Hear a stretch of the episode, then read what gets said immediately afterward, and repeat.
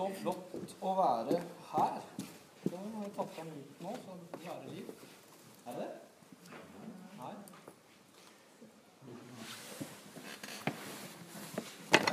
Der er det liv. Nei. Nei. Mm? Det er liv. Eh, Martin var litt bekymra for at jeg skulle tale lenge.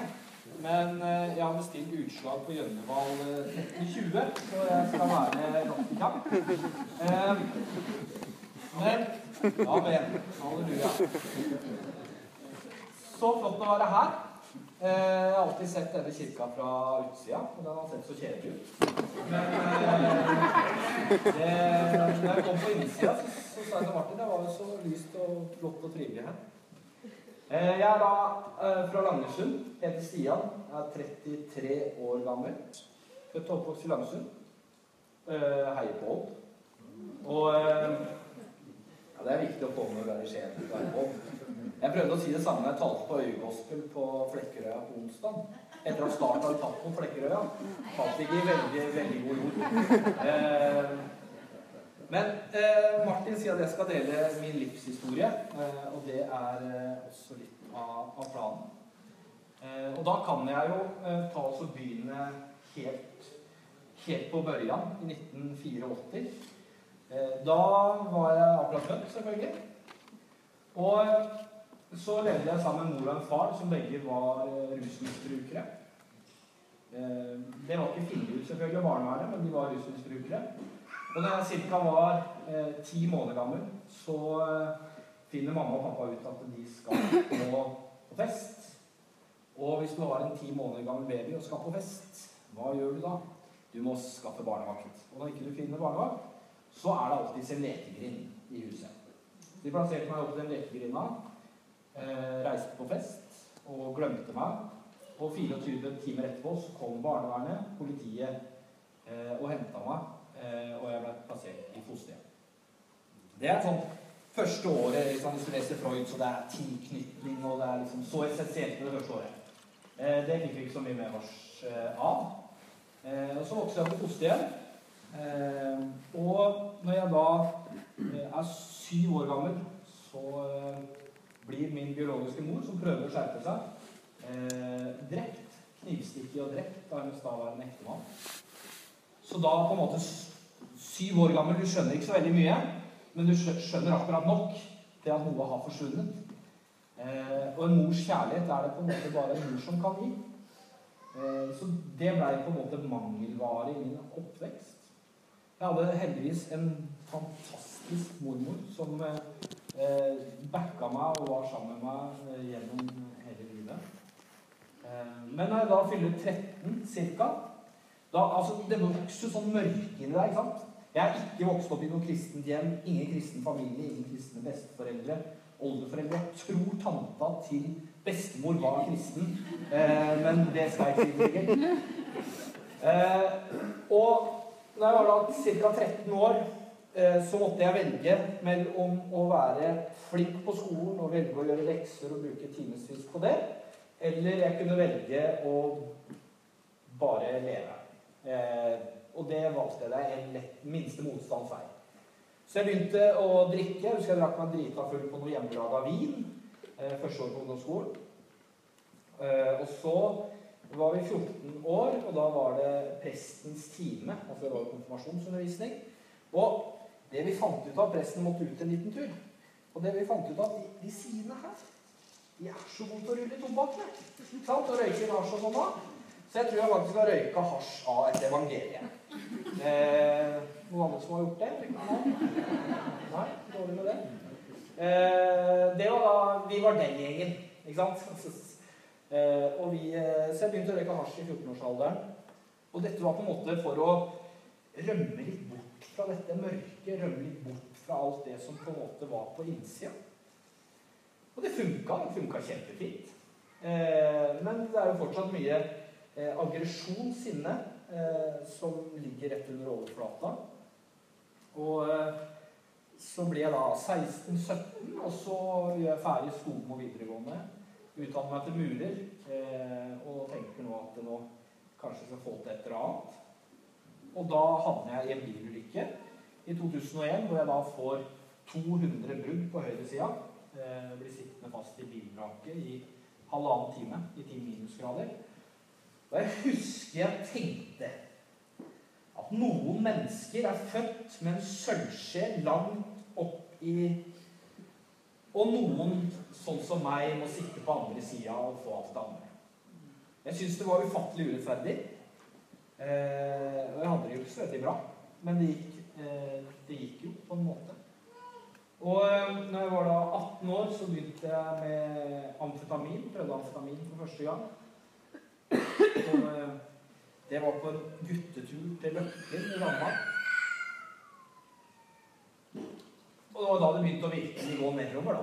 Eh, og i begynnelsen av 20-åra så, så tok jeg noe som heter LSD, som dere sikkert alle vet hva er. Eh, det er da syre. LSD, altså hallusinogener. Og på en syretripp så klarte jeg da å innse at det fantes mer mellom himmel og jord enn jeg klarte å forstå. Og mitt eneste ønske og min eneste tanke, det var Hva er sannheten? Hva er sannheten? Og eh, det er ikke så lett å finne svaret på det, som en skulle tro. Og jeg eh, eh, brukte jo en del amfetamin, så jeg husker jeg bodde i Gjelden nede i Skien her. Og gikk ned på biblioteket i Porsgrunn, på gamle politistasjon i Porsgrunn, eh, og lånte et eh, verk som heter eh, Timoteios. Platons Timoteios. Så satt jeg syv dager våken på amfetamin og leste Platons Timoteios. Det var vel ikke lenge før jeg havna på DPS bort på, bort på men jeg fant liksom ikke noe mer svar. Eh, bare flere spørsmål. Og eh, jeg søkte i hinduisme og buddhisme. Eh, fant ikke noe spesielt mer svar der. I sjamanismen så følte jeg at jeg fant en del svar. Altså Sjamanismen er en veldig panteistisk tro, og det vil si at det er på en måte en gud i alt. Det er Gud i trærne, det er Gud i steiner. Jeg husker jeg samla på steiner. Hva er greia med det? Men steinene betydde noe. Så det, det, ganske, det begynte å bli ganske vilt etter hvert.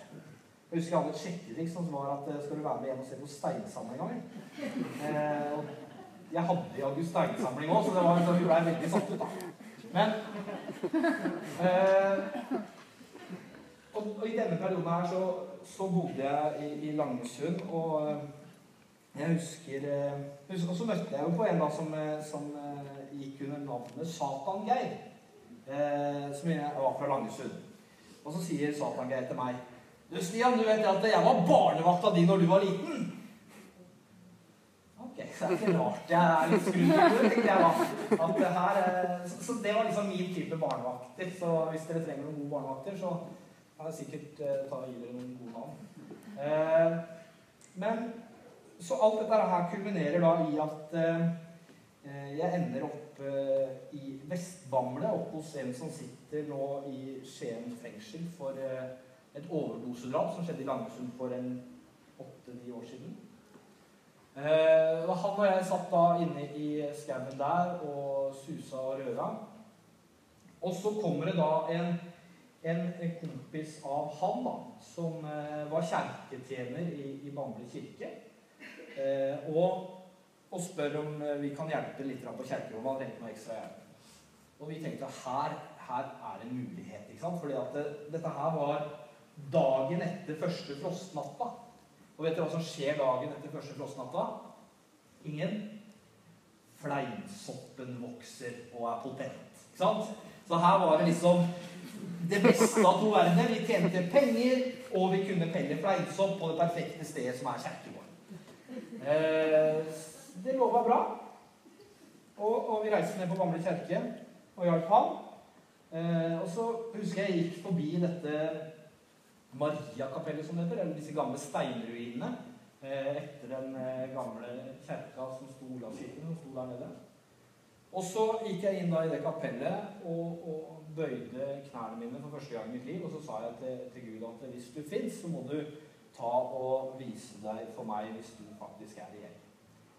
Og eh, det gjorde han jo ikke. Og da gikk jeg jo derfra og ut og leita etter fleinsopp igjen. Fant ikke det heller. Det er kjipt. Men eh, Og så eh, Dette her var da, da ett år siden eh, min Ja, vi må ta det først, da. Eh, I 2007, da, hvor eh, ting var ganske ille for meg, så husker jeg bodde hos bestemor og bestefar for tiende gang, kanskje, i kjelleren. Eh, og så hadde, vi, hadde hatt en fest i kjelleren der, og det skjedde litt tull, og de hadde vært på ferie, og så kom de tilbake. Og så eh, sier bestemor til meg da at eh, nå, nå, kan vi ikke, nå kan vi ikke ha deg boende hos nå, nå har du bodd her ut og inn ti ganger. Nå, nå kan vi ikke. Det, det, det, skader oss mer enn vi, vi klarer. Vi er ufattelig glad i deg og elsker deg, men det, du må bare flytte. Det skjønner jeg veldig godt. Eh, så, men jeg skjønte jo ikke der, så det, da krangla vi. Vi kjefta og smekte litt. Eh, og hun kasta meg ut. Og så reiste jeg til Narvik, der hun var født og oppvokst. Og dagen etterpå så døde hun, 62 år gammel, av hjerteinfarkt. Så da på en måte bare raser livet mitt fullstendig sammen. Jeg husker jeg satt og gråt i kjelleren i tre dager. Jeg, jeg, jeg visste ikke hva jeg skulle gjøre av meg. Livet mitt var et, eh, et rent helvete og hadde 350 000 inkassogjeld. Eh, og jeg endte opp til slutt med å, å, bo i en kogg nede i Langesund, i Kongshavn, eh, med dusjforhengte dør, i en sovepose der nede. Da, da føler du liksom at du har oppnådd noe i livet, da, eh, når du ligger der. Eh, men i hvert fall så var vi da eh, på kjerkegården hadde bedt, og dette var året etter at bestemor døde. Og da reiste vi på grava og så ga vi noen blomster. Han kirken var veldig god, da. Og da på en måte tenkte jeg som så at eh, det er én ting som skjer hver eneste søndag. Og det er at de kjerkeklokkene setter i gang. Fem på ti, fem på halv elleve og fem på elleve. Så nytter jeg ikke å sove. Så da kunne jeg liksom tenke at da, da går vi opp i kjerka, og så, og så tester vi hva det greiene her er. Eh, og jeg gikk opp i kjerka, satte meg på bakerste benk, og det åpna preludiet 'Nåde være med dere', og det var så kjedelig. Jeg tenkte bare, Det her var bare flashbacks tilbake til konfirmasjonstida. Det var tresmak i ræva etter ca. fem minutter. Gjesping og begynne å kikke på klokka kom etter et kvarter. Og det var på en måte overhodet ikke substans for meg i det hele tatt. Og Eh, så jeg gikk like forsiktig ut som jeg hadde kommet inn.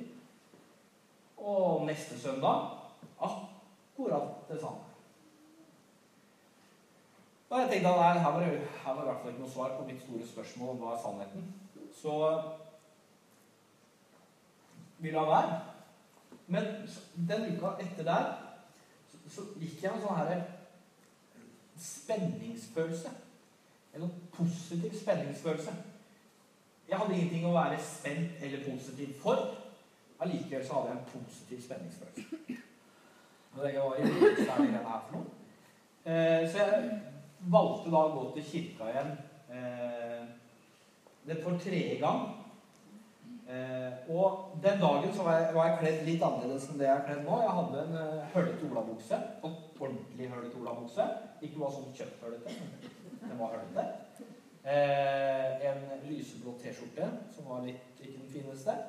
Så hadde jeg lilla solbriller og skinnjakke. Og, eh, så jeg, jeg passa liksom ikke helt inn. Og akkurat denne dagen så var det også tre dåp. Og det vil si bunader og dresser og 150 av Langesunds prominente mennesker som fylte opp kirka. Og meg. På tredje rad. Eh, og vi, presten denne, den dagen her, det var eh, han som var sogneprest i, i Gulset kirke, som heter Bjarte Tysvær. Eh, og det er ikke så ofte jeg kaller han eh, moderne, men eh, han var faktisk moderne til seg å være. Og det, det, som, det, som, det han talte over, da, det var Matteus 7, 13 Eh, og der står det 'Gå inn gjennom den trange porten'. For vi er den porten, og bred er den veien som fører til fortapelsen, og mange er de som går igjennom den. Men trang er den porten, og smal er den veien som fører til livet, og få er de som finner den. Og mens han da sto oppe i midtgangen og talte, så begynner jeg å kjenne at jeg får litt sånn muskelkramper, og så begynner det å prikke i ansiktet mitt. Og så tar jeg meg selv i å gå opp til alterringen. Og hvor står alterringen i en kirke? Den står midt foran. Det er det siste stedet i den kirka jeg ville være. Det var der oppe. Og der tar jeg meg selv midt under prestens preken og går opp mot og knele ved alterbenken.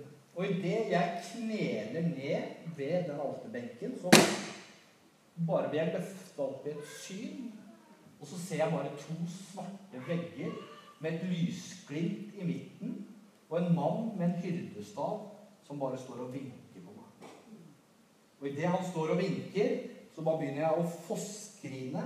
Og jeg kjenner bare en sånn kjærlighetselv som bare renner igjennom meg. Jeg faller i bakken, og jeg reiser meg opp og jeg bare roper ut i salen 'Det er jo sant! Det er jo sant!' Og de gamle damene som satt foran der, bare Vi må bære den ut på båre eller gjøre et eller annet. Heldigvis så var det et par pinsevenner, selvfølgelig, som skjønte at her gjør Gud noe stort. Så de gikk opp til meg, og hun sa det at hun, når hun tok på meg, så fikk jeg helt støt. Og så tok, meg, eh, tok, de meg inn på sakristiet, og så sa de du måtte finne ut det. Var første de satte meg. Du måtte finne ut av det sjøl. Og det som var ekstra spesielt med akkurat det, er at dette var da foreldrene til ei jente som heter Marie Fuglseth, som, hadde, som jeg hadde prata med åtte måneder i forveien, som hadde sendt meg en sang av Kim Walker som heter 'How Us'. Jeg skjønte jo ikke en dritt med hvorfor hun skulle sende meg den sangen. Jeg kjente ikke engang. Men der og da så skjønte jeg Guds plan med akkurat når vi hadde sendt den sangen åtte måneder i forveien. Og fra den dagen så har jeg Altså, Det var en følelse av at jeg visste at jeg visste det var sant. At jeg vet hva som er på den andre sida av døra, men jeg må liksom bare, bare sjekke Å ja, det var det sånn jeg trodde. Det, det, var liksom den følelsen som jeg satt igjen med. Og, og til nå altså jeg har, jeg har vel ikke tvilt i den forstand, men jeg, jeg, vet at Jesus er veien, sannheten og livet. Jeg vet at Gud eksisterer. Jeg vet at han er reell. og det Altså, Min opplevelse av det jeg hadde i 25 år uten Jesus, og det som skjedde på én dag hvor jeg slutta å banne, og jeg slutta å ljuge Jeg klarte ikke å ljuge lenger. Jeg klarte ikke å banne lenger. Og når du lever i et miljø hvor dette er på en måte det eneste som er reelt, så sliter du. Så jeg passa ikke helt inn der lenger. Men jeg bodde jo fortsatt i en kong. Jeg hadde fortsatt dusj, dusjforengte dør og bodde i en sovepose. Og jaggu var det lekk i den båten her. Jeg blei jo sjuk. Men sammen med Jesus så husker jeg presten kom til meg, Jan Terje Hansen etter han, min mentor. Så kommer han til meg og så sier han det at jeg tror ikke Gud gjør så store ting uten å ha en mening med det. Så nå skal du kutte ut all den dritten du driver med, men så skal du fortsette å røyke litt hasj. Hæ? Det er presten sin. Så kutter du all dritten, og så fortsetter du å røyke litt hasj. Og det gjorde jeg. Kutta, alt kutta på en dag. Det var, det var, ikke noe problem i det hele tatt. Fikk lov å røyke litt hasj. Eh, veldig fornøyd med det.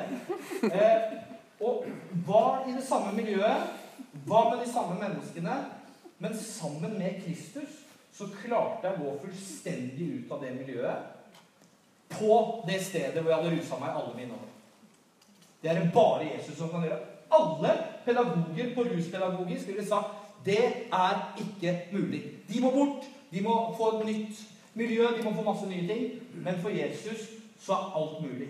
Ingenting er umulig for den som tror. Og Så jeg vandra gjennom den veien, og så hadde jeg jo fortsatt 350 000 i. Og så husker jeg at jeg måtte ringe namsmann, da. Eh, oppkreveren i Bamble kommune. For, for, altså jeg hadde starta et enkeltmannsforetak i 2005. SH Salgstjenester heter det. Eh, det ble ikke så mye penger av det, for å si det sånn. Det, det ble oppretta og ikke brukt. Men da hadde Bamble kommune tatt, og, eh, tatt en ligning på det og sagt at nei, her har det vært inntekt. Her får du en eh, skatt på 185 000. Vær så god. Tusen takk. Eh, og så ringte jeg en namsmann, og så spurte jeg hva kan vi gjøre med dette her. Så sa han hei, Stian. Ja, ja, men vi går jo samme kirke, vi, vet du. I Langesund. Hva gjør vi det, ja? Ja, men det er trivelig. Du hva, Stian, nå tar du, Og så bare finner du de dokumentene fra de åra du har hatt det firmaet, at du ikke har hatt noe inntekt, og så skriver du en søknad. Nei, vent litt. Jeg skriver en søknad til meg, og så skriver du under. Og så gikk det 14 dager, og så hadde vi fått sletta 185 000 av gjelda. Altså, åssen er det mulig, ja? Altså, plutselig fra å sitte på den andre sida av den sølvskjea til å plutselig så begynte ting å gå litt min vei. Og så valgte jeg på en måte å holde fast ved Jesus og følge hans fotspor hver eneste dag. Og i 2010 så begynte jeg på, på bibelskole i Grimstad. Eh, og så husker jeg at eh, altså det hatet da, som jeg hadde til han som hadde drept mamma, det var relativt intenst. Eh, og jeg husker vi planla å reise ned Han var fra Kragerø. Det kommer noe fra Kragerø, Martin. Bare noe. Eh, vi kom da skulle reise ned til Kragerø, meg og en del av sånne branner som dere helst ikke vil møte. Eh, og vi skulle finne han som eh, hadde tatt livet av mamma. Vi, oss, vi skulle ha med oss balltre. Vi skulle ha med oss tau, kompressor og spikerpistol. Så ja, ja, men altså, jeg har sett folk bli drilla gjennom skuldra. Det, det, er relativt reelt måten jeg har tenkt å gjøre det på. Vi har tenkt å da binde den fast, og så ta ballene hans og knappe litt til det treet med spikkerpistolen. Det var planen. Eh, så var så, det var, det var så mye sinne, og du fikk veldig mye respons på det sinnet da, inn i det miljøet som drives av to ting, og det er frykt og penger. Så du får mye respons. Eh, og i 2010 så hadde jeg på en måte gått da med Jesus i ca. to år. Og så på en måte kjente jeg fortsatt på denne smerten eh, og dette sinnet og dette hatet. Og så følte jeg forsto Bibelen litt mer og forsto Jesus litt mer. Eh, og du skal på en måte tilgi for å selv bli tilgitt. Og så ringte jeg til han nede i Kragerø. Så sa jeg at jeg, jeg tilgir deg for det du gjorde.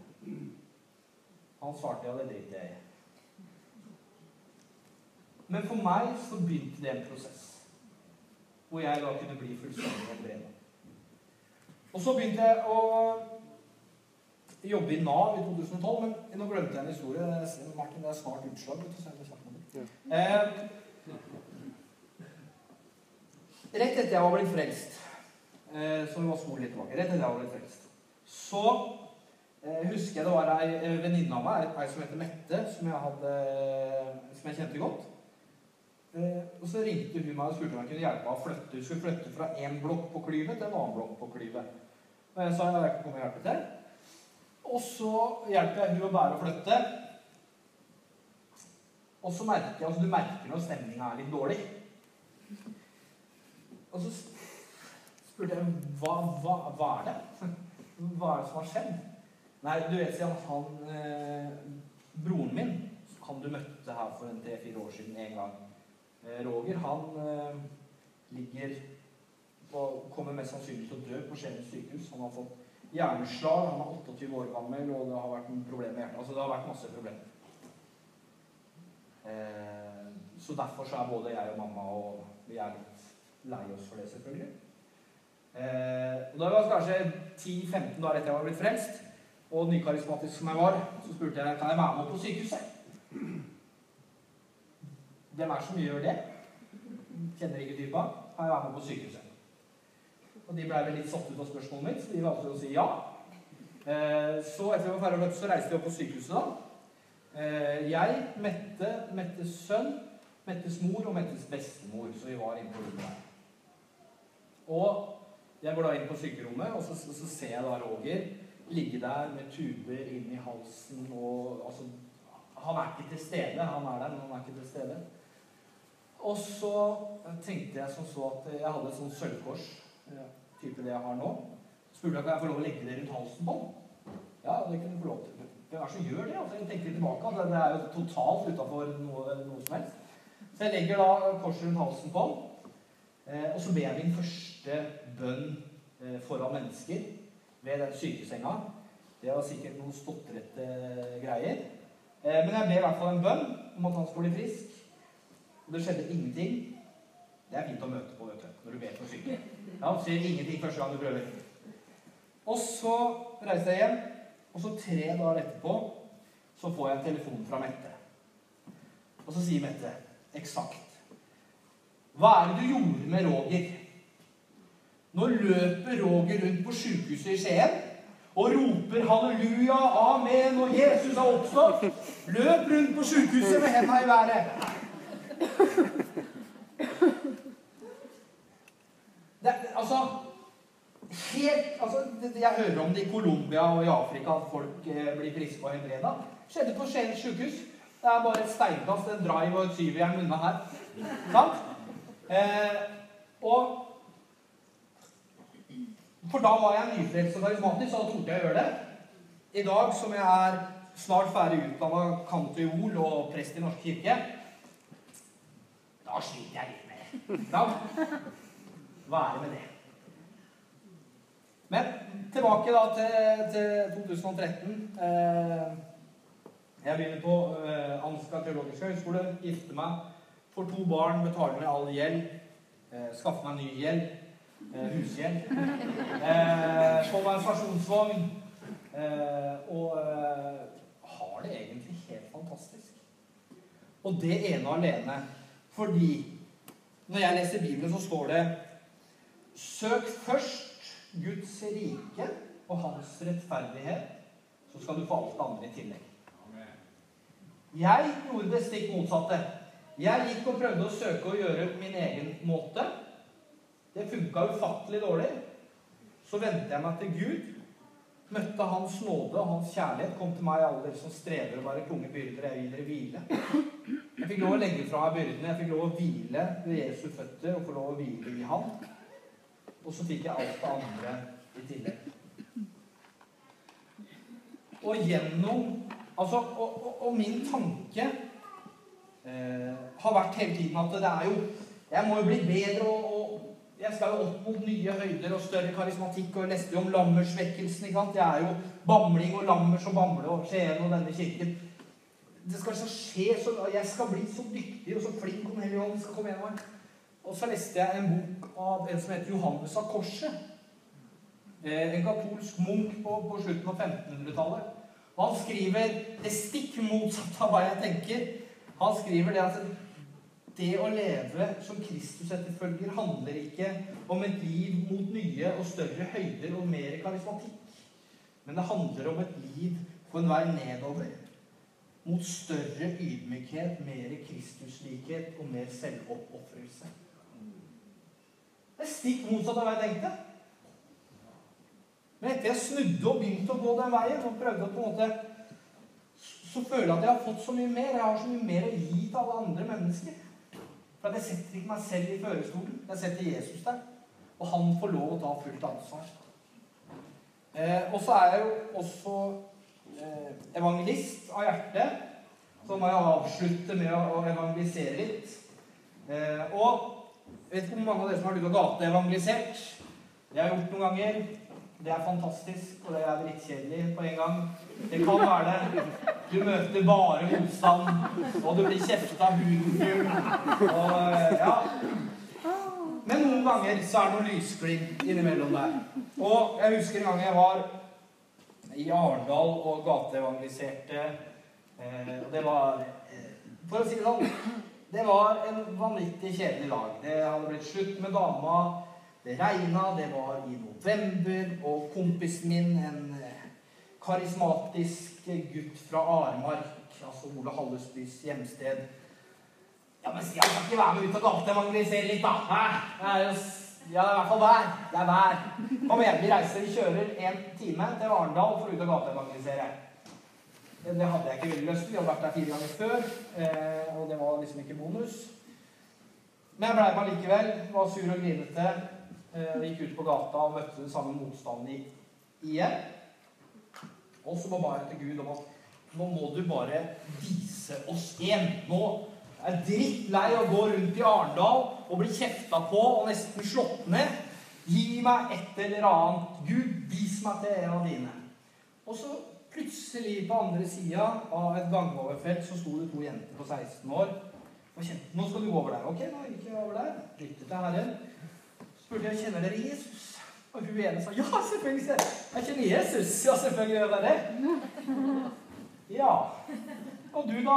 Nei, hun kjente, venninna kjente ikke Jesus. Nei, Har du lyst til å bli kjent med Jesus? Ja, det har jeg lyst til. da. Jeg har lyst til å, å, å, be at, Jesus skal, at du og Jesus skal begynne veien her og nå. Ja, det kunne godt tenke seg. Så vi sto der midt i Arendal sentrum og ba. Og denne jenta bekjente at Jesus var Gud. Han hadde stått opp fra de døde. Og hun trodde i sitt hjerte og bekjente med sin munn. Og jeg begynte bare å grine, og de to begynte å grine. Han som sto bak meg, begynte å grine. Og han sa til meg etterpå at hvis du skinner mer nå, så må jeg ta på meg solbriller. Han gikk jo noe sky bortover. ikke sant? Helt fantastisk. Og, og de opplevelsene har jeg hatt noen av. Men så er det liksom livets realitet, da. Og det er det andre. Jeg husker jeg sto utafor eh, universitetet i Agder, en sånn ganske stor park, eh, bussholdeplass utafor UiA.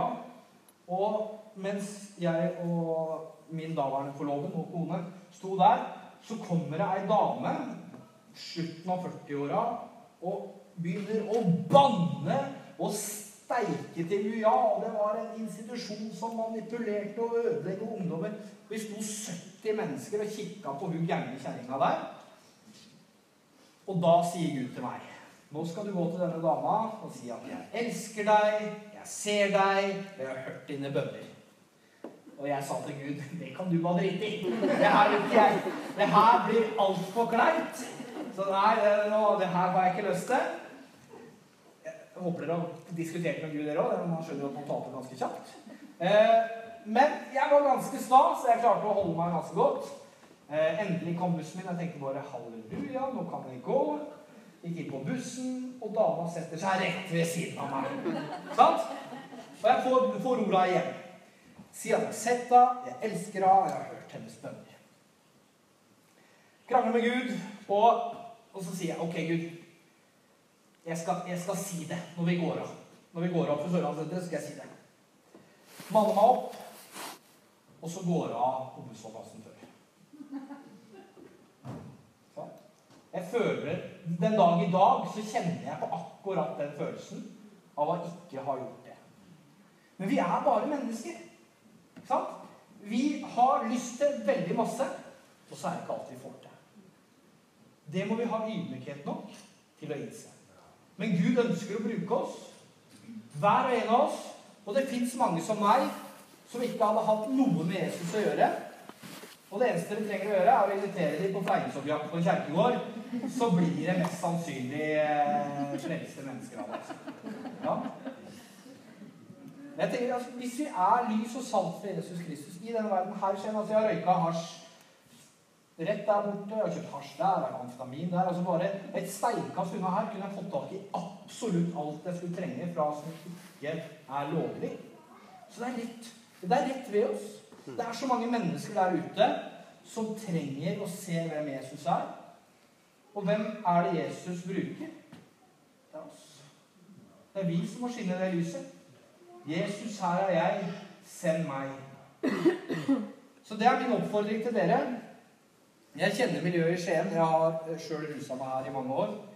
Eh, og mange av de lengter bare etter å bli sett, møtt, bedt for og visst en vei fram til Jesus. Gjennom, å ikke møte pekefingeren, men å heller møte toeren. Det er stor forskjell. Da vil jeg bare be en bønn til slutt. Herre Jesus Kristus, takk for at du har gått gjennom tid og rom, blitt menneske for vår skyld. Takk for at ikke vi tror på en historie, en myte, en legende, men at vi tror på en hendelse. Vi tror på en hendelse som skjedde i Israel for 2000 år siden.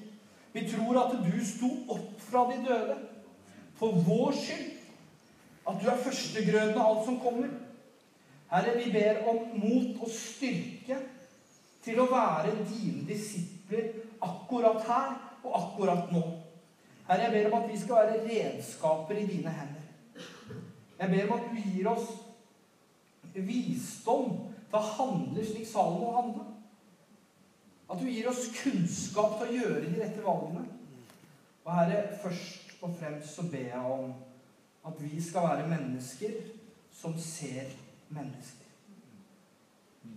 Herre, la oss være en menighet som ser mennesker, omfavner mennesker og møter mennesker med den kjærligheten som du har møtt oss med.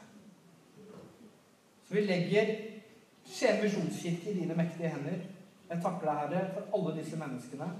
Og jeg ber om at nå som sommeren kommer, og sommer, sol og brune kropper skal altså skinne gjennom Jesu lys. Så takk, Herre. I Jesu navn. Amen.